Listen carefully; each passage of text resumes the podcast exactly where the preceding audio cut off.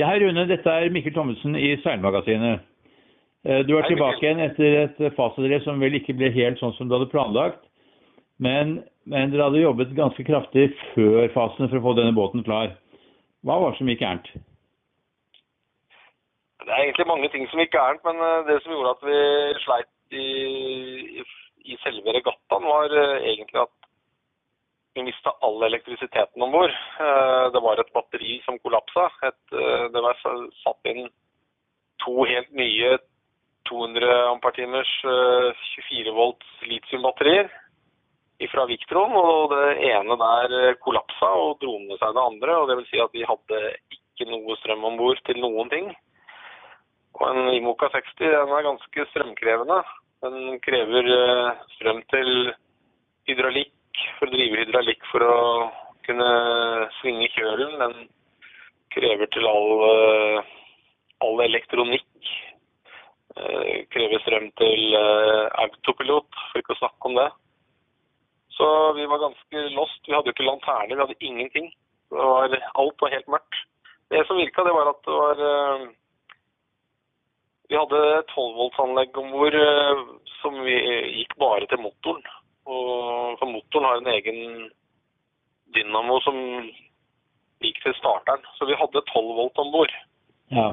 Så vi greide etter hvert å få tjuvkobla noen lanterner og sånn, så vi ikke var helt eh, svarte ute i natta der. Men eh,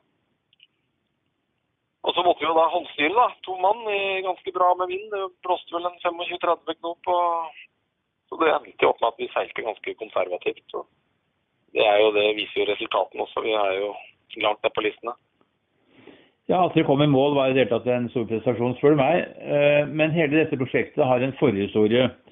Og, eh, og det ligger i at du hadde planer om å seile Van de Globe og skulle overta denne båten etter eh, Transatlantic Faber. Men det blir nå ikke noe av. Og fortell litt om det. altså min, min store drøm eh, gjennom mange år har egentlig vært å kunne delta i Vendée Globe, som er en jorda rundt-regatta alene i en Imoca 60. Eh, når, jeg, når jeg fikk muligheten via Richard Talken å være med på hans eh, båt først Fastnet Race. planen videre var at vi skulle seile Transasjak Babel sammen. Etter det så skulle jeg overta båten i Brasil og seile alene hjem uh, for å kvalifisere meg til Vendée Globe, som er 2000 nautiske mil alene. Den turen hjem er på over 5000, så ville, hadde jeg gjennomført den, så hadde jeg på en måte vært kvalifisert. Uh, nå blir det ikke sånn, fordi at uh, verken båt eller eh, dette med Richard har gått helt som jeg hadde planlagt. Og spesielt båten har eh, ikke kommet til den standen som jeg ønsker at den skal være. Og jeg føler det egentlig ikke trygt nok til å verken seile over Atlanteren med eller i hvert fall ikke seile jorda rundt med den båten, etter sånn som det har blitt. da. Selv om det har vært gjennom en veldig stor refit med utrolig mye nye ting, så er det det er en gammel båt, og den Ja, det viser seg at den er ganske tungseilt, for å si det sånn.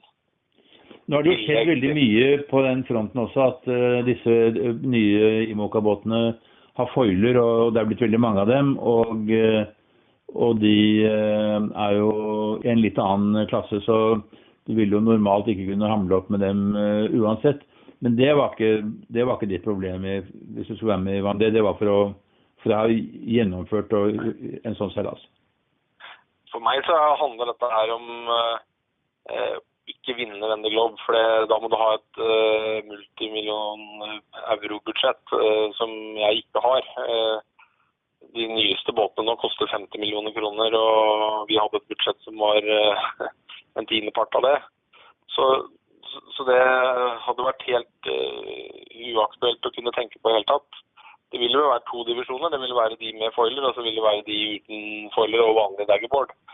Og den ville være en del av. Og det vil være en god del eldre båter som, som det kunne vært morsomt å, å fighte mot. Uh, men for meg så er det den uh, ja, selvtilfredsstillelsen av å mestre noe som er vanskelig og varer lenge over Ja. Og som kanskje ingen andre har gjort før. Så Men nå er det som sagt historie, og jeg har avslutta det samarbeidet med engelskmannen. Og jeg ikke, kommer ikke til å verken seile Transfar Wavre eller Vende Globe. Så sånn er det med den saken. Sånn er det med den. Ja, Du har jo satset veldig hardt på uh, shorthander-seiling i mange år med dine forskjellige klasse 40-båter. Og uh, det har da stort sett vært uh, double-handed uh, med, med, i klasse 40. Um, du kommer jo til å slutte å seile, selv om du ikke skal seile Vendée Globe. Hva, hva tenker du da? Nei, akkurat nå så har jeg ingen planer, for nå ble dette her litt sånn Jeg reiste jo til England eller, og for å seile fastnett uh, med tanke på å fortsette uh, prosjektet, men etter å ha sittet utpå der uh, og seilt den båten i noen hundre nautiske mil nå, så, så fant jeg ut at dette er Skulle jeg terminere og avslutte prosjektet, så måtte jeg gjøre det nå, og, og det var, var, det eneste rette for meg å gjøre. Og, jeg har ikke lagt noen form for planer for videre seiling. Jeg har vært og prata litt med Jan Helge Furnesvik, og kanskje jeg seiler en del med han igjen neste år, med hans klasse 40 og her i Norge. Jeg kommer vel ikke til å satse noe internasjonalt igjen, tror jeg. Så, så kanskje jeg blir turseiler igjen. Jeg får se. Jeg har, ikke noe, jeg har ingen store planer nå, i hvert fall. Nei. Er du skuffet? Jeg er veldig skuffa. Jeg, jeg, har satsa mye penger og mye tid. Og, og, jeg har fått med meg familien på at jeg kan gjøre dette her. Og, og jeg syns det er veldig leit at jeg ikke får det til.